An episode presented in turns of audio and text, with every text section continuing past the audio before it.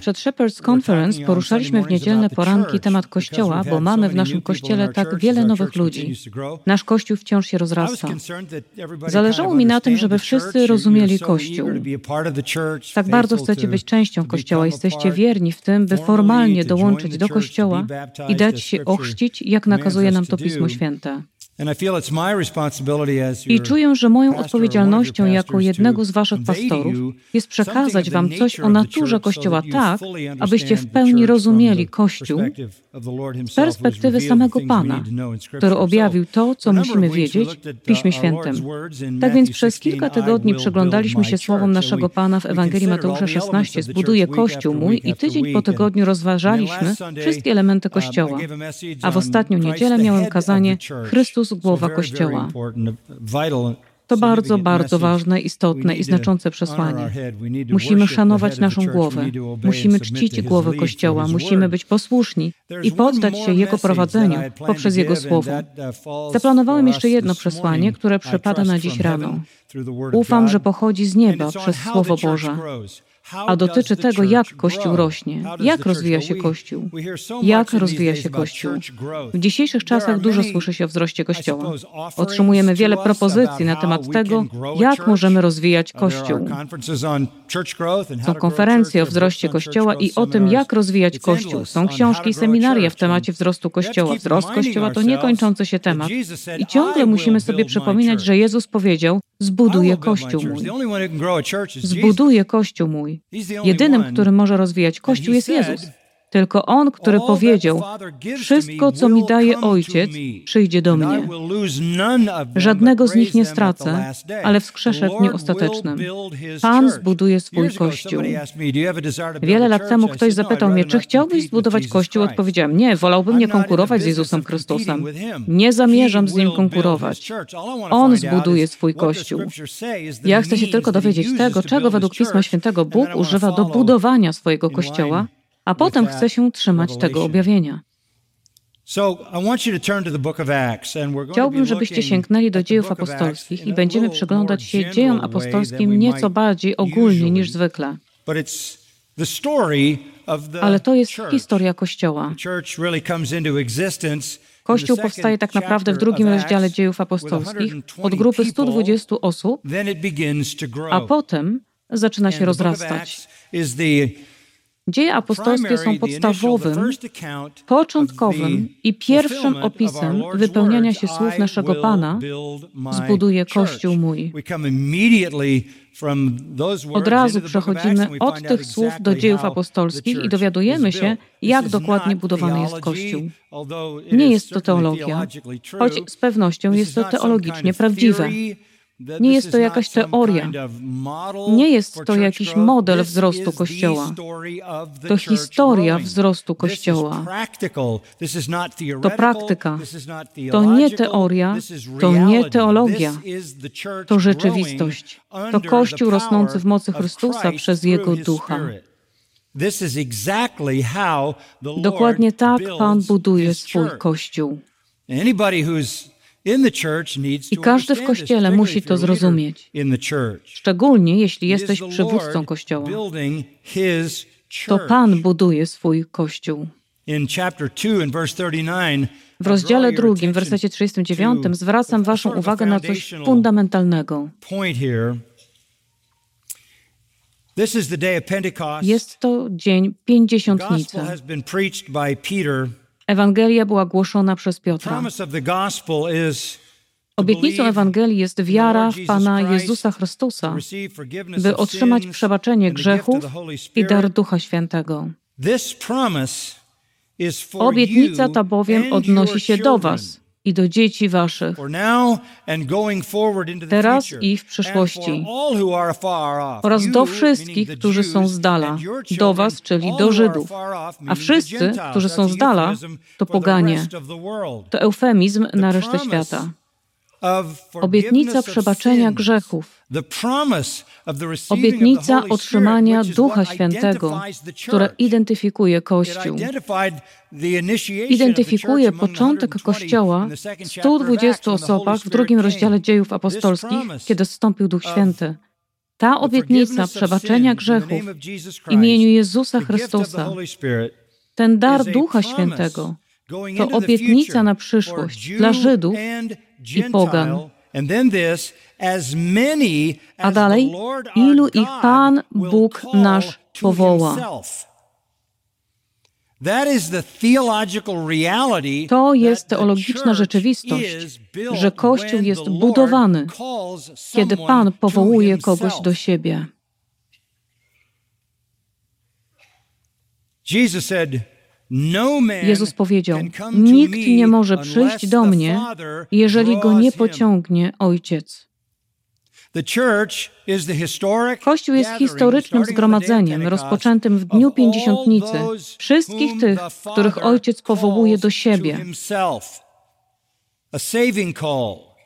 To zbawcze powołanie. I widzimy, że zaczyna się to od razu. Dwa wersety dalej, w wersecie 41. Ci więc, którzy przyjęli słowo Jego, czyli słowo Piotra o Ewangelii, którą właśnie głosił w Dzień Pięćdziesiątnicy, zostali ochrzczeni i pozyskanych zostało owego dnia około trzech tysięcy dusz. Tego dnia dodano trzy tysiące lub około trzech tysięcy osób, ponieważ Pan Bóg powołał tych ludzi do siebie. That's how the church is built. Właśnie tak budowany jest Kościół. Nie chodzi o ludzką pomysłowość. Chodzi o boskie powołanie, które teolodzy nazywają skutecznym powołaniem. To powołanie, które jest nieodpartym powołaniem. To wspaniała historia wzrostu Kościoła, gwałtownego wzrostu. W rozdziale pierwszym jest 120 wierzących zebranych w górnej izbie, do których przychodzi duch i zaczyna się Kościół. W rozdziale drugim, werset 41 wzrasta to ze 120 do ponad 3000. Dalej dochodzimy do 47 wersetu rozdziału drugiego i śledzimy ten wzrost. Czytamy tam, Pan zaś codziennie pomnażał liczbę tych, którzy mieli być zbawieni. To jest dzieło Boga. Ci, którzy mieli być zbawieni przez Boga. Każdego dnia ludzie byli zbawiani. Przechodzimy do rozdziału czwartego, werset czwarty. Wielu zaś z tych, którzy słyszeli tę mowę, przesłanie Ewangelii, Drugie kazanie Piotra uwierzyło, a liczba mężów wzrosła do około pięciu tysięcy. Możemy założyć, że było ich 120, potem 3000, potem co dzień więcej. A teraz mamy wzrost do pięciu tysięcy mężczyzn. Można dodać do tego kobiety, wtedy ich liczba mogłaby przekraczać 10 tysięcy. Nawiasem mówiąc, to ostatni raz, kiedy w dziejach apostolskich podano ogromna jest liczba. To zdumiewający wzrost w ciągu kilku tygodni. Kościół osiągnął dziesiątki tysięcy osób w zaledwie kilka tygodni, a Pan buduje swój Kościół. Rośnie tak szybko, że liczby znikają. Dochodzimy do rozdziału 5 i w wersecie 14 czytamy. Przybywało też coraz więcej wierzących w Pana, mnóstwo mężczyzn i kobiet.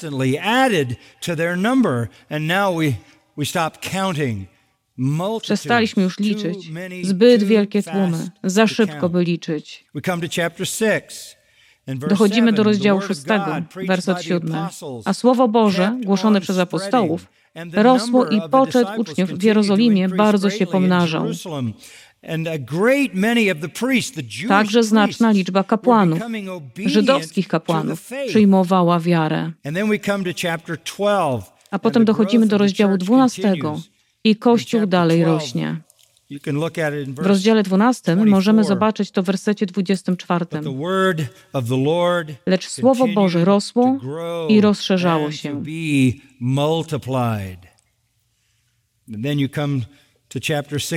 A potem dochodzimy do rozdziału 16, gdzie widzimy służbę Pawła. Zostawiliśmy za sobą Piotra i Jana jesteśmy na służbie Pawła i znajdujemy w rozdziale 16, werset 5. Zbory zaś utwierdzały się w wierze Teraz mamy nie tylko wierzących, ale też kościoły, bo w Antiochii został założony kościół, a potem Paweł wyruszył w podróż misyjną z Antiochii. Mamy więc kościół w Jerozolimie i kościół w Antiochii. Potem Paweł udał się w swoją podróż misyjną przez Morze Śródziemne. Po drodze zakładał kościoły. Te kościoły umacniały się w wierze, a ich liczba rosła każdego dnia. Z dnia na dzień było ich coraz więcej. Dziesiątki tysięcy chrześcijan identyfikowały się ze Zbawicielem, Panem Jezusem Chrystusem w ziemi Izraela i w świecie pogańskim. Więc obietnica rozszerza się do Was, do Żydów i do dzieci Waszych oraz do wszystkich, którzy są z dala, jak mówi rozdział 2, werset 39. W 17 rozdziale Paweł jest w Berei i głosi w wersecie 12. Wielu też z nich uwierzyło, również niemało wybitnych greckich niewiast i mężów. I tak to szło. Rozdział 19, werset 20. Paweł w Efezie. Wielka służba w Efezie, dosłownie obalenie tamtejszego kultu bożków. Tak to potężnie rosło, umacniało się i rozpowszechniało słowo Pańskie. Umacniało i rozpowszechniało. I tak jest do ostatniego wersetu dziejów apostolskich. Paweł nadal głosił Królestwo Boże i nauczał o Panu Jezusie Chrystusie śmiało, bez przeszkód. Oto historia wzrostu Kościoła w dziejach apostolskich. Taka jest historia. Gwałtowny wręcz wzrost, gdy Pan buduje swój Kościół, gdy Ojciec powołuje i zbawia ludzi przez wiarę w Chrystusa i wiarę w Ewangelię. To jest wzrost Kościoła. Ale w jaki sposób on rośnie? Jak rośnie z duchowego punktu widzenia? No Nie ma tu podanych żadnych technik. Nie ma tu żadnych metodologii. Są jednak duchowe dyscypliny, duchowe realia, na których Kościół wzrasta.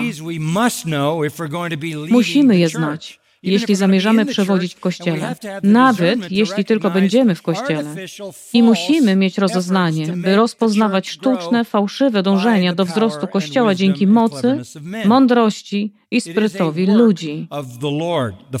To jest dzieło Pana. Zaangażowany jest Ojciec, zaangażowany jest Syn i zaangażowany jest Duch. Trójjedyny Bóg daje Kościołowi wzrost. Pierwszą cechą rosnącego Kościoła jest transcendentne przesłanie. Transcendentne przesłanie. Używam słowa transcendentne nie w znaczeniu niebiańskiego przesłania, choć takie jest, ale by powiedzieć, że wykracza poza kulturę. Ono wykracza poza kulturę. Jest to tak oczywiste, że może zawstydzać ludzi, którzy je porzucili. Kościół powstaje z mocy Ewangelii. Wiara jest ze słuchania słowa Chrystusa, Rzymian 10.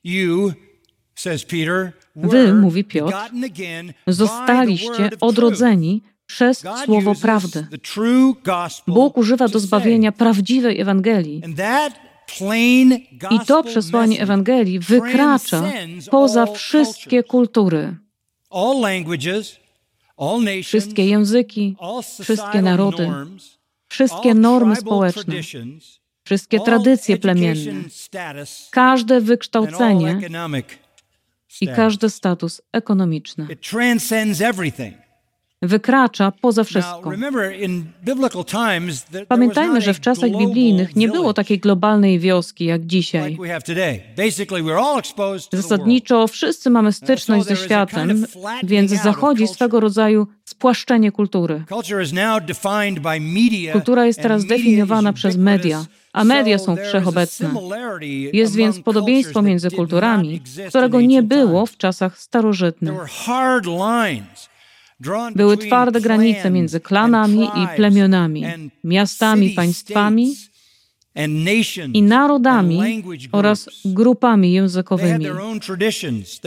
Mieli swoje własne tradycje, istniały granice, które nie były przekraczane. Każdy miał swoje zwyczaje, każdy własne formy ekspresji, każdy własne formy sztuki. Istniały głęboko zakorzenione, bardzo odrębne, bardzo unikalne, cenione i wpisane w kulturę perspektywy. Nie miało to znaczenia. Apostołowie głosili tę samą Ewangelię. No Nie miało to żadnego wpływu na przesłanie. Nie miało to znaczenia dla przesłania. Jeśli Żydzi mówili, że to przeszkoda, nie zmieniło to przesłania. Nie próbowali usunąć przeszkody, zmieniając Ewangelię.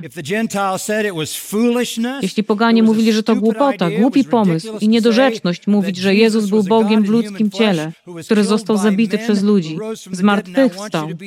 i teraz chce, abyś był Jego dożywotnim niewolnikiem, to szaleństwo dla złożonej wyobraźni filozoficznej Greków i Rzymian. Nie miało znaczenia, czy Rzymianie uważali to za głupotę, czy że Żydzi uważali to za przeszkodę. To nie zmieniło przesłania. Ono nie mogło się zmienić. Pan powiedział: idźcie na cały świat i głoście Ewangelię. A Ewangelią jest to, że Jezus umarł, został pogrzebany, zmartwychwstał i że zbawienie jest w Jego imieniu i tylko w Jego imieniu.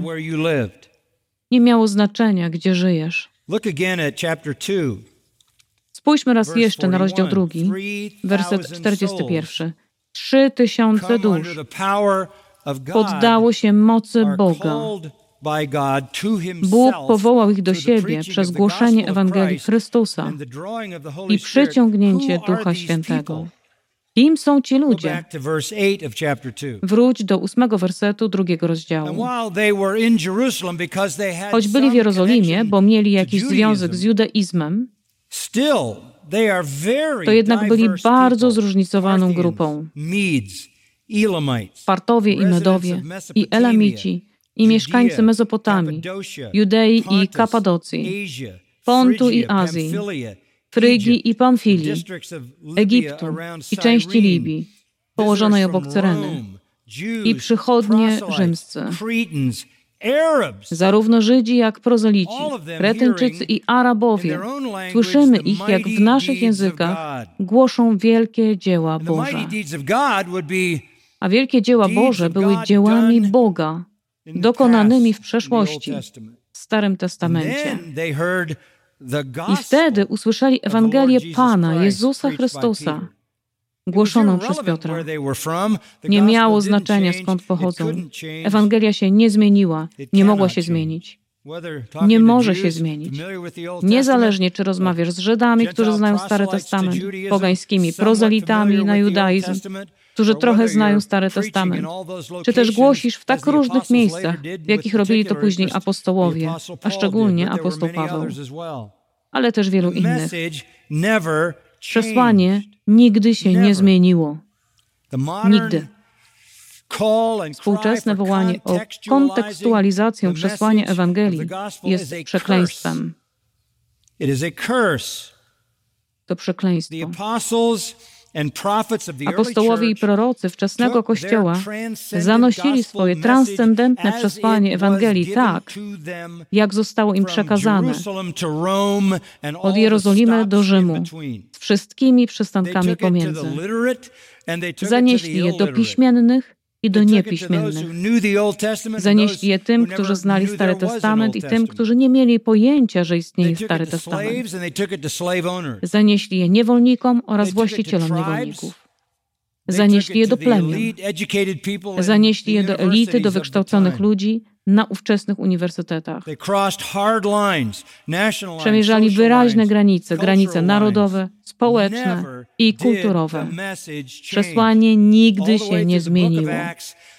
Przez całe dzieje apostolskie zbawia Chrystus ukrzyżowany i zmartwychwstały oraz wiara tylko w Niego. Jest to słowo Pana i jedyne przesłanie, które zbawia. Kościół wzrasta wraz z głoszeniem transcendentnej Ewangelii, która przemierza świat. Z pewnością widzieliśmy to na konferencji w ostatnim tygodniu, gdzie byli ludzie z 67 narodów. Z 67 narodów. Wszyscy zebrani wokół Ewangelii Chrystusa. Spotkałem ludzi z prawie każdego kontynentu ludzi wywodzących się z życia plemiennego w Afryce, ludzi z Azji Południowo-Wschodniej, ludzi z Europy, ludzi z Arabii Saudyjskiej i innych krajów Bliskiego Wschodu, całą grupę ludzi z Chin. To naprawdę niesamowite. Nie wiem nic o chińskiej kulturze. Jeden raz byłem w Chinach. Nie mogłem analizować chińskiej kultury. Ledwo potrafię przeczytać chińskie menu. Ale to naprawdę nie ma znaczenia. To nie jest ważne. Bo Ewangelia przekracza wszystkie granice.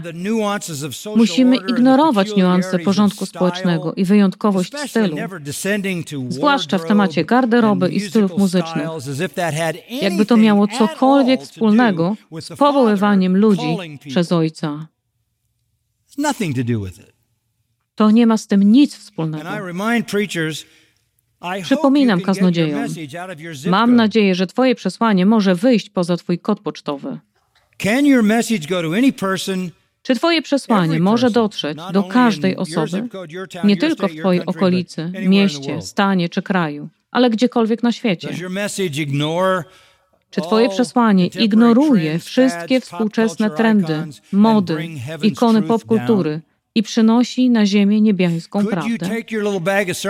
Czy mógłbyś wziąć swoją torbę z kazaniami, pójść w dowolne miejsce na świecie i je wygłosić? A może powinny zawierać ostrzeżenie? To przesłanie dezaktualizuje się trzy miesiące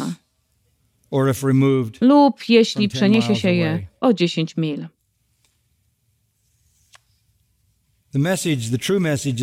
Prawdziwe przesłanie obowiązuje globalnie. Nie przestaje mnie zadziwiać to, co Michael dziś mówił.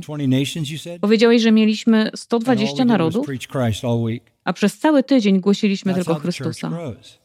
Tak rośnie Kościół. Ludzie, którzy próbują kontekstualizować, żyją złudzeniem, że to oni budują Kościół. Jest jeszcze druga cecha, którą widzimy w rosnącym Kościele. To nie tylko transcendentne przesłanie, przesłanie Ewangelii, to odrodzone zgromadzenie. Odrodzone zgromadzenie. Oto nowatorska idea. Kościół składa się z wierzących. Czy to jest zbyt oczywiste, żeby powiedzieć, że Kościół, który buduje Pan, jest Jego ciałem? To Jego ciało. To wierzący połączeni z głową, którą jest Chrystus. Nazywanie zgromadzenia niewierzących Kościołem jest niedorzeczne. Pan buduje swój kościół, dodając wierzących dzień po dniu. Poważną wadą współczesnego kościoła jest myślenie, że Kościół ma być zgromadzeniem niewierzących, których próbujesz przeciągnąć na swoją stronę. Współczesny ewangelikalizm wydaje się wyczerpywać każdą wyobrażalną i niewyobrażalną sztuczkę, aby przyciągnąć i zebrać niewierzących w budynku lub na wydarzeniu i nazwać je kościołem. To nie jest Kościół. Kościół składa się, jak mówi drugi rozdział dziejów apostolskich, z wszystkich, którzy uwierzyli. Wszyscy, którzy uwierzyli, zostali dodani do Kościoła. Wszyscy jednomyślni, dzieje cztery. Wszyscy napełnieni Duchem Świętym. Wszyscy, którzy mają jedno serce i jedną duszę. Jest to zgromadzenie odrodzonych wierzących, całkowicie oddanych Panu Jezusowi Chrystusowi, prawdziwych czcicieli zgromadzonych dla duchowych celów. Jakie to są cele? Dzieje apostolskie 2,42 i trwali w nauce apostolskiej i we wspólnocie, w łamaniu chleba i w modlitwach. Nauka apostolska to zdrowa doktryna, to objawienie Boże, wspólnota, społeczność duchowych darów i posług, łamanie chleba, stół pański. A modlitwa, modlitwa to modlitwa. Kościół jest zgromadzeniem wierzących, zaangażowanych w te formy uwielbienia. Ciekawa ilustracja tego jest w pierwszym liście do Koryntian, rozdział 14. Paweł pisze, żeby skorygować Koryntian, bo dali się ponieść mówieniu językami. Um, Brakowało ładu i porządku. To był prawdziwy dar w czasach apostołów. Ale w Koryncie zamienili to w jakiś rodzaj szaleństwa. Dlatego Paweł napisał w 1 Koryntian 14:23. Stąd, jeśli się gromadzi cały Kościół i wszyscy zaczynają mówić językami lub czymkolwiek, co podrabiało prawdziwy dar języków, a pojawią się ludzie nieobeznani z tym lub niewierzący, osoba, która jest na zewnątrz. Chcę tylko zatrzymać się w tym miejscu. Jest tu założenie, że kiedy zbiera się Kościół, może pojawić się niewierzący. Na pewno nie jest dla niego przeznaczony, ale może się pojawić. Następny werset. Jeśli wszyscy prorokują, czyli głoszą, a niewierzący lub słabo obeznany, człowiek bez Ducha Świętego, wejdzie, wszyscy go badają, wszyscy go osądzają. Zwróćmy tylko uwagę na jedną rzecz. Kościół musi być świadomy, że mogą przyjść niewierzący. To jest dalekie od projektowania go dla nich. A kiedy przychodzą, powinna być głoszona prawda, która sprawi, że powiedzą: Bóg jest na tym miejscu. Kościół Pański jest zgromadzeniem odrodzonych wierzących, całkowicie oddanych Jezusowi Chrystusowi, oddających Mu cześć. Wspaniale jest zaplanować wydarzenie dla niewierzących. Nazywa się to wydarzeniem ewangelizacyjnym. Świetnie, musimy to robić. Ale planowanie regularnego wydarzenia dla niewierzących i nazywanie tego kościołem jest zakłamywaniem prawdy. To nie jest kościół. Kościół składa się z wierzących. To duchowe przestępstwo gromadzić niewierzących i nazywać to Kościołem. Przestępstwo, za które pastor może odpowiedzieć przed Bogiem. Więc jak rośnie Kościół? W jaki sposób wzrasta? Rośnie przez głoszenie transcendentnego przesłania. Zbawienie przychodzi przez głoszenie tego przesłania, mocą Ewangelii, mocą Ducha Świętego. Oznaką tego jest odrodzone zgromadzenie. Pan buduje swój Kościół z prawdziwych wierzących. To prawda, że istnieje fałszywy Kościół, fałszywe kościoły, fałszywe denominacje i fałszywe formy religii chrześcijańskiej. Ale prawdziwy Kościół jest odrodzony. A jeśli rozumiemy Ewangelię i wierzymy Ewangelii, to za prawdziwy Kościół uważamy zgromadzenie prawdziwych wierzących. Jest jeszcze trzeci bardzo ważny składnik środków, które widzimy w dziejach apostolskich, przez które Kościół wzrasta, a jest to wierna wytrwałość. Wierna wytrwałość. Oznacza to, że Kościół nie zatrzymuje się, gdy jest prześladowany. Nie zatrzymuje się. We do not seek to be unpopular in the world. Nie zabiegamy, by być niepopularni na świecie. Nie dążymy do tego. W zasadzie myślę, że z dzieł apostolskich wynika, że wczesny Kościół był bardzo popularny bardzo popularne.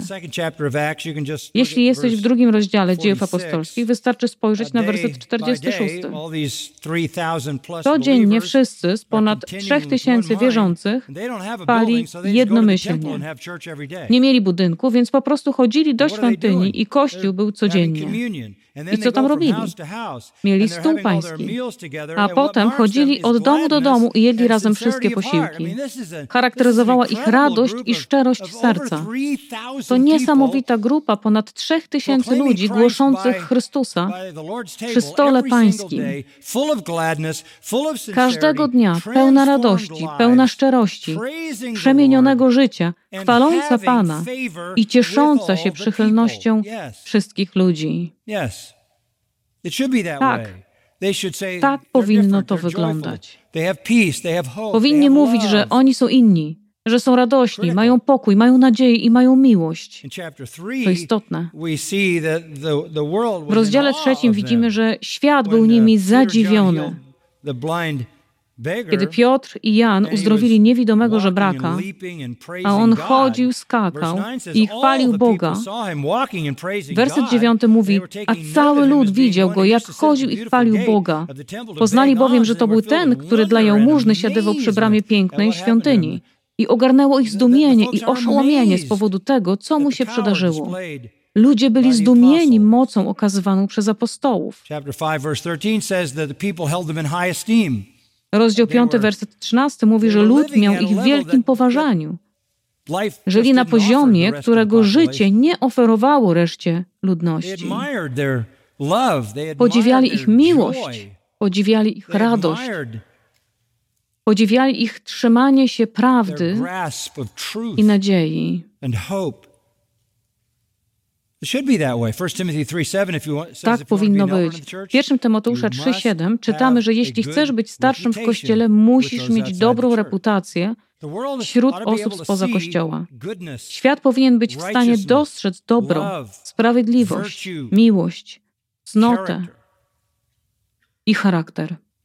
But alongside that, that respect for Ale temu szacunkowi dla uczciwości i cnoty towarzyszy bardzo agresywna, silna nienawiść do przesłania.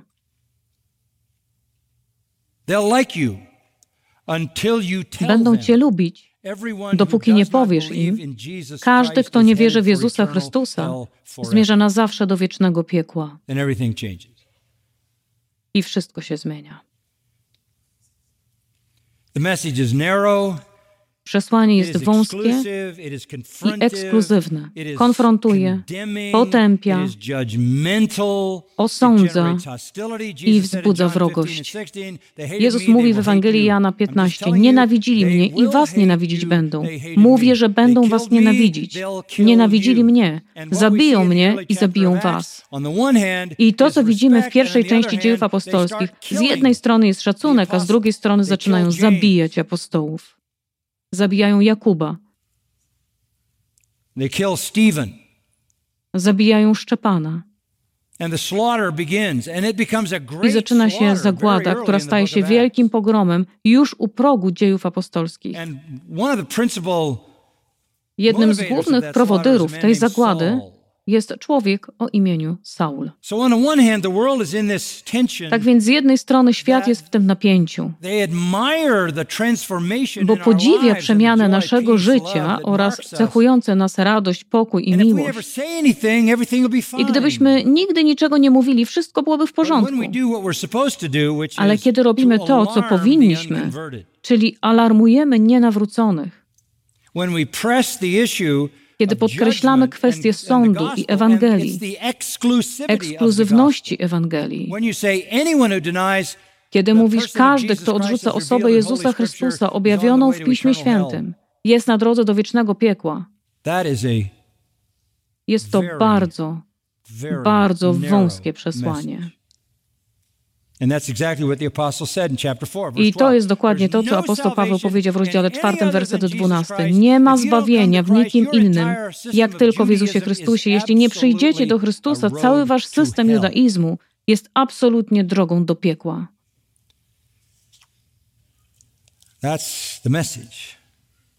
Takie jest przesłanie. Obraźliwe i ekskluzywne. Stawia to wszystkie fałszywe religie w tej samej kategorii. Żadna nie jest lepsza od innej. W rzeczywistości żadna nie jest dobra. Wszystkie są złe. Jesteśmy powołani, by alarmować grzesznika.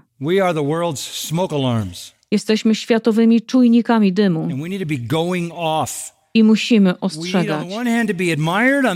Z jednej strony powinni nas podziwiać, z drugiej strony powinni się nas bać. Właśnie tak się postrzegam. Z jednej strony chcę, aby ludzie patrzyli na mnie z przychylnością. with powodu życzliwości. dzięki miłości i współczuciu, nawet dla niewierzących. Ale rozumiem, że gdy tylko dotrze do nich wąskie przesłanie Ewangelii, wszelka przychylność z ich strony jest natychmiast osłabiana przez wrogość wobec. Ewangelii. Nie możesz tego zmienić i pozostać wiernym. Nie możesz tego zmienić i pozostać wiernym. May cost you your life, right? To może kosztować Twoje życie. Zaprzyj się samego siebie, weź swój krzyż, naśladuj mnie. Miej w nienawiści ojca, matkę, siostrę, brata, nawet własne życie. Kościół został powołany do bycia prześladowanym i nadal jest. Przejdźmy do czwartego rozdziału dziejów apostolskich. Wydaje się, że wszystko idzie świetnie w rozdziale drugim i trzecim. Dochodzimy do rozdziału czwartego, gdzie Piotr i Jan mówili do ludu. Przystąpili do nich kapłani i dowódca Straży Świątynnej oraz saduceusze oburzeni, iż nauczają lud i zwiastują zmartwychwstanie w Jezusie. Darzyli ich pewnym podziwem, ale nienawidzili przesłania Jezusa. Ujęli ich więc, werset trzeci, i wtrącili do więzienia aż do następnego dnia. Był już bowiem wieczór. Dlatego zatrzymali ich do następnego dnia, kiedy mogli się nimi zająć. Wielu zaś z tych, którzy słyszeli tę mowę, uwierzyło, a liczba mężów wzrosła do około pięciu tysięcy. Już to komentowaliśmy. Panikowali, bo ludzie słuchali i wierzyli w ich przesłanie. Nadszedł w końcu kolejny dzień. Przełożeni starsi uczeni w piśmie zebrali się w Jerozolimie. Byli tam arcykapłan Annasz, Kajfasz, Jan, Aleksander i inni z rodu arcykapłańskiego. Postawili tych dwóch apostołów pośrodku tej srogiej grupy i zaczęli pytać, jaką mocą albo w czyim imieniu to uczyniliście? Wciąż mówili o uzdrowieniu chromego w świątyni. Wtedy Piotr, pełen Ducha Świętego, rzekł do nich, przełożeni ludu i starsi, jeżeli my dziś jesteśmy przesłuchiwani z powodu dobrodziejstwa wyświadczonego człowiekowi choremu, dzięki czemu został on uzdrowiony, to niech wam wszystkim i całemu ludowi izraelskiemu wiadome będzie, że stało się to w imieniu Jezusa Chrystusa Nazareńskiego, którego wy ukrzyżowaliście, którego Bóg wzbudził z martwych, dzięki niemu ten oto stoi zdrów przed wami. I przy okazji, on to jest owym kamieniem odrzuconym przez was budujących. On stał się kamieniem węgielnym i nie ma w nikim innym zbawienia, albowiem nie ma żadnego innego imienia pod niebem danego ludziom, przez które moglibyśmy być zbawieni. To jest śmiałość. Oni chcieli rozmawiać o tym, jaką mocą uzdrowili człowieka. A on mówi, wy przywódcy ukrzyżowaliście Chrystusa, a On jest jedynym Zbawicielem. To roznieciło ogień. Padli w panikę. Dlatego w wersecie 18 nakazali im, aby w ogóle nie mówili ani nie nauczali w imieniu Jezusa. Lecz Piotr i Jan odpowiedzieli im i rzekli, czy słuszna to rzecz w obliczu Boga raczej was słuchać aniżeli Boga? Sami osądźcie. My bowiem nie możemy nie mówić o tym, co widzieliśmy i słyszeliśmy. A oni zagrozili im ponownie i zwolnili ich, nie znajdując nic, za co by ich ukarać, a to ze względu na lud, bali się ludzi. Wszyscy bowiem wysławiali Boga za to, co się stało.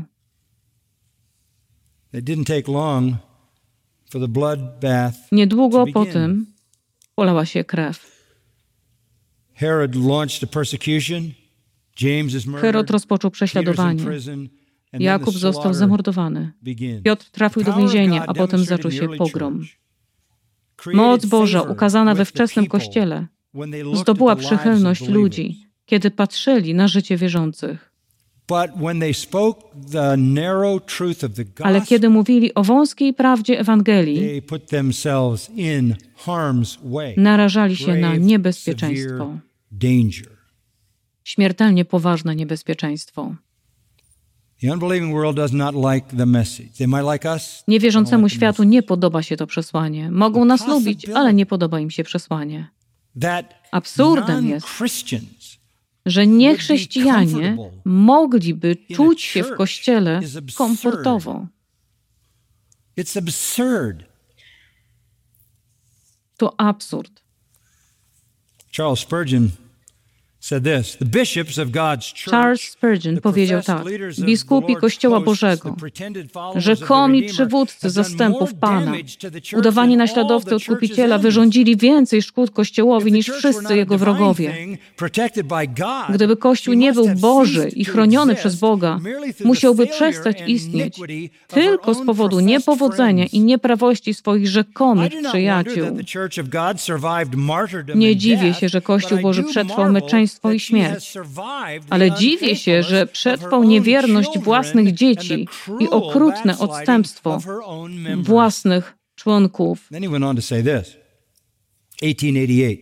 A potem w 1888 roku powiedział to: Nowym planem jest asymilacja Kościoła ze światem, by w ten sposób przyjąć większy obszar przez półaktorskie występy. Tworzą domy modlitwy podobne do teatru. Zamieniają swoje nabożeństwa w muzyczne popisy, a kazania w polityczne przemowy lub filozoficzne, psychologiczne eseje. W rzeczywistości zamieniają świątynię w teatr, a duchowych zamieniają w aktorów których zadaniem jest zabawianie ludzi. Czy nie jest tak, że Dzień Pański staje się coraz bardziej i bardziej dniem rekreacji lub lenistwa, a Dom Pański miejscem, w którym jest więcej entuzjazmu dla zabawy niż gorliwości dla Boga? Ach ja, mówi Spurgeon, Ogrodzenia są zniszczone, mury zburzone. Dla wielu nie ma odtąd innego kościoła niż będącego częścią świata. Nie ma innego Boga niż niepoznawalnej siły, dzięki której działają prawa sukcesu i szczęścia. Na końcu powiedział: Propozycja jest taka, by zdobyć świat. Pan Jezus musi dostosować siebie, swój lud i swoje słowo do świata. Nie poświęcę tej ohydnej propozycji ani chwili dłużej.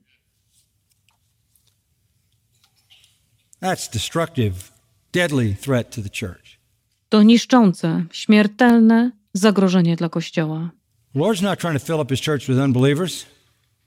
Pan nie próbuje zapełnić swojego Kościoła niewierzącymi.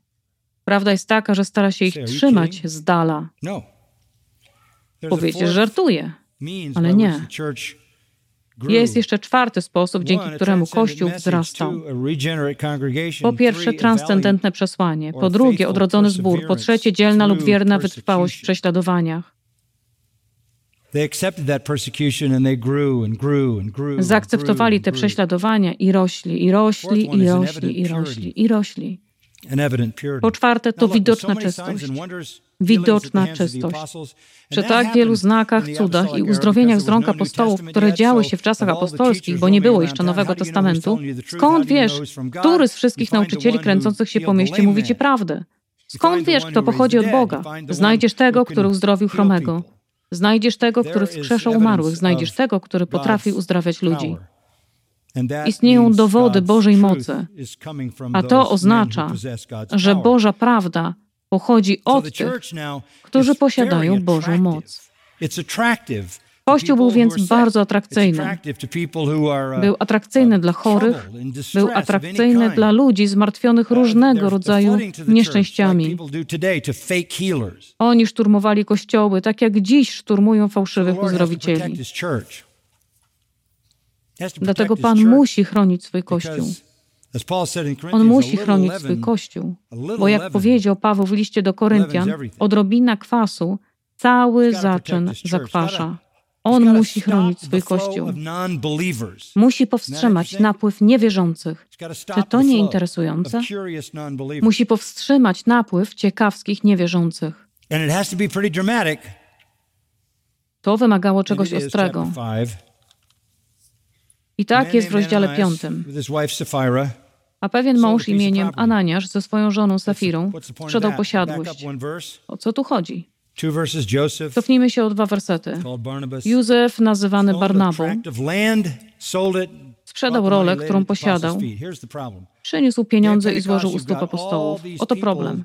Wszyscy ci ludzie, którzy przybyli do Jerozolimy na dzień pięćdziesiątnicy, pochodzili z innych krajów. A kiedy Duch Święty stąpił no i powstał Kościół, nagle znaleźli się w kościele. A nie ma kościoła nigdzie indziej, dlatego tam zostali. Więc wszyscy ci obcy próbowali przetrwać w Jerozolimie pośród wierzących. Jak mieli się o nich zatroszczyć? Nie zostaliby zatrudnieni. Nawet prawdziwi wierzący, którzy mieszkali w mieście, stracili pracę. Zaczęli więc sprzedawać ziemię, aby dać pieniądze na wsparcie dla tych, którzy potrzebowali pomocy. Józef z wersetu 36 sprzedał swoją ziemię, oddał wszystkie pieniądze, aby zaspokoić potrzeby tych ludzi. Potem przyszli Ananiasz i Safira. On i jego żona postanowili, wyglądalibyśmy dobrze przed wszystkimi, gdybyśmy zrobili coś podobnego. Sprzedał posiadłość i udał, że składa wszystko przed apostołami. Ale zachował, mówi werset drugi, dla siebie część pieniędzy, za wiedzą swojej żony. Przeniósł tylko część z nich. Złożył to u stóp apostołów, udając, że to wszystko. Wydaje się, że w ten sposób zbierali ofiarę. Wszyscy podchodzili do przodu i przekazywali ją apostołom. Piotr zatrzymał go i powiedział, Ananiaszu, czym to omotał szatan serce twoje, że okłamałeś Ducha Świętego i zachowałeś dla siebie część pieniędzy za rolę? Wow. Naprawdę nie chcesz być tak wywołany w kościele. Nikt z was by tego nie chciał. A dalej Piotr mówił, najwyraźniej otrzymał boską wiedzę. Czyż póki ją miałeś, nie była twoją? Mogłeś ją zatrzymać, nie musiałeś jej sprzedawać, to było dobrowolne. A gdy została sprzedana, czy nie mogłeś rozporządzić pieniędzmi do woli, mogłeś oddać ich część? Cóż cię skłoniło do tego, żeś tę rzecz dopuścił do swego serca? Nie ludziom skłamałeś, lecz Bogu. Kłamstwem było mówienie, że dałeś wszystko, a to nieprawda. Powiesz, czy to nie drobnostka? On przecież dał. Jeśli sprzedał ziemię, to musiało być dużo. To poważna sprawa. Grzech w kościele to poważna sprawa. Ananiasz zaś, słysząc te słowa, upadł i wyzionął ducha. Co? Zmarł. Bóg go zabił. Został zabity. Został zabity przy składaniu ofiary. I wielki strach ogarnął wszystkich, którzy to słyszeli czego się bali. Bóg jest na tym miejscu. Czy jesteśmy uczciwi? Czy jesteśmy prawdomówni? A co z naszymi sercami? Czy przeżyjemy w kościele? Młodsi zaś wstali, owinęli go, wynieśli i pogrzebali. A po upływie około trzech godzin nadeszła i żona jego. Uh, Co ona robiła? Po pierwsze, to wspaniałe, że nabożeństwo trwa trzy godziny, ale poza tym, gdzie ty byłaś? Ile czasu kobieta może układać swoją fryzurę?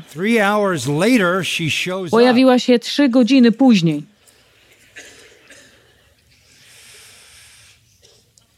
She doesn't know what happened. Nie wiedziała, co się stało. Był pogrzeb, a ona nawet nie wiedziała, że pogrzebali jej męża. I odezwał się do niej Piotr.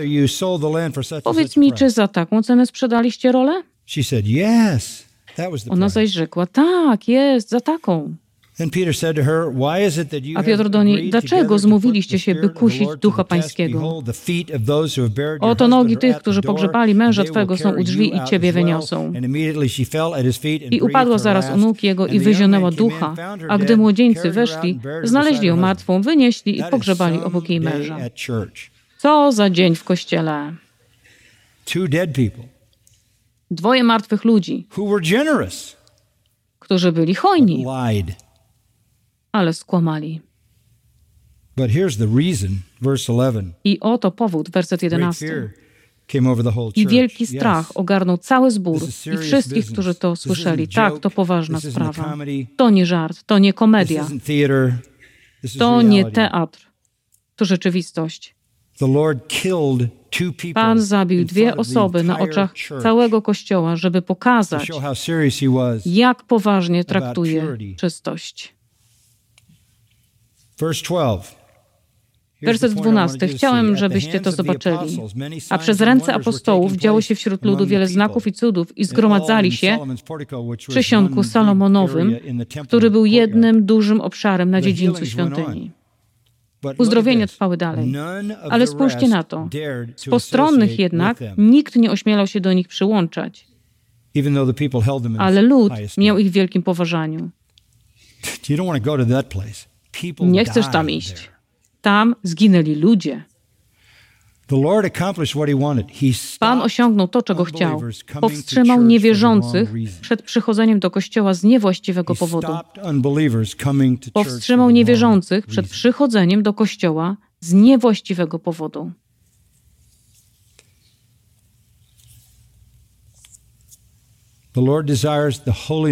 Pan pragnie świętości swojego Kościoła, a to wymaga, by wierzący Kościół gromadził się w oparciu o Ewangelię.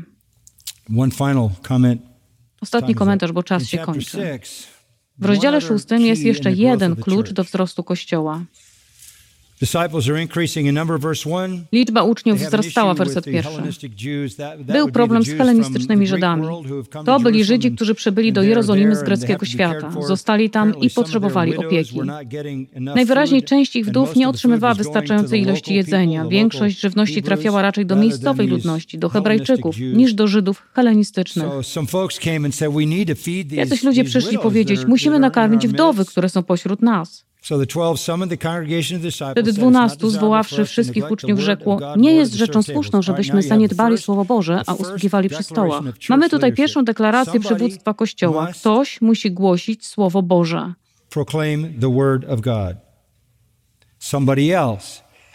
Ktoś inny musi zająć się wdowami. Upatrzcie tedy, bracia, spośród siebie siedmiu mężów cieszących się zaufaniem, pełnych Ducha Świętego i mądrości, żeby zajęli się tą sprawą. My zaś pilnować będziemy modlitwy i służby słowa. To jest pierwsza struktura Kościoła. Wykwalifikowani ludzie pełni wiary, pełni mądrości, pełni Ducha Świętego, którzy poświęcają się Słowu i modlitwie, a potem wszyscy wierni ludzie, którzy przychodzą służyć u ich boku. To jest Kościół. To jest Kościół. Happens, A kiedy to się dzieje, werset siódmy, Słowo Boże rosło i poczet uczniów bardzo się pomnażał. Tak właśnie rozwijał się pierwszy Kościół. Kościół zawsze rośnie w taki sposób. Módlmy się. Uh, Panie, znów jest to dla nas przywilej mieć wgląd w Twój umysł i w umysł Chrystusa przez Słowo Boże. Jesteśmy tak bardzo wdzięczni za jasność, z jaką objawiłeś nam swój błogosławiony, umiłowany, odkupiony krwią, uświęcony i pewnego dnia uwielbiony Kościół. Dziękujemy, że uczyniłeś nas Jego częścią. Dziękujemy za przywilej bycia częścią ciała Chrystusa połączonego z naszą chwalebną głową, naszym Zbawicielem Jezusem Chrystusem. Panie, modlę się, abyś wezwał ludzi nawet w tej godzinie, właśnie teraz do Ciebie, aby opamiętali się z grzechu, uznali Jezusa Chrystusa jako Pana i Zbawiciela, prosili o przebaczenie grzechów i wieczne zbawienie. I żeby zostali dzisiaj dodani do Twojego Kościoła. To nasza modlitwa. Prosimy o to w imieniu Chrystusa. Amen.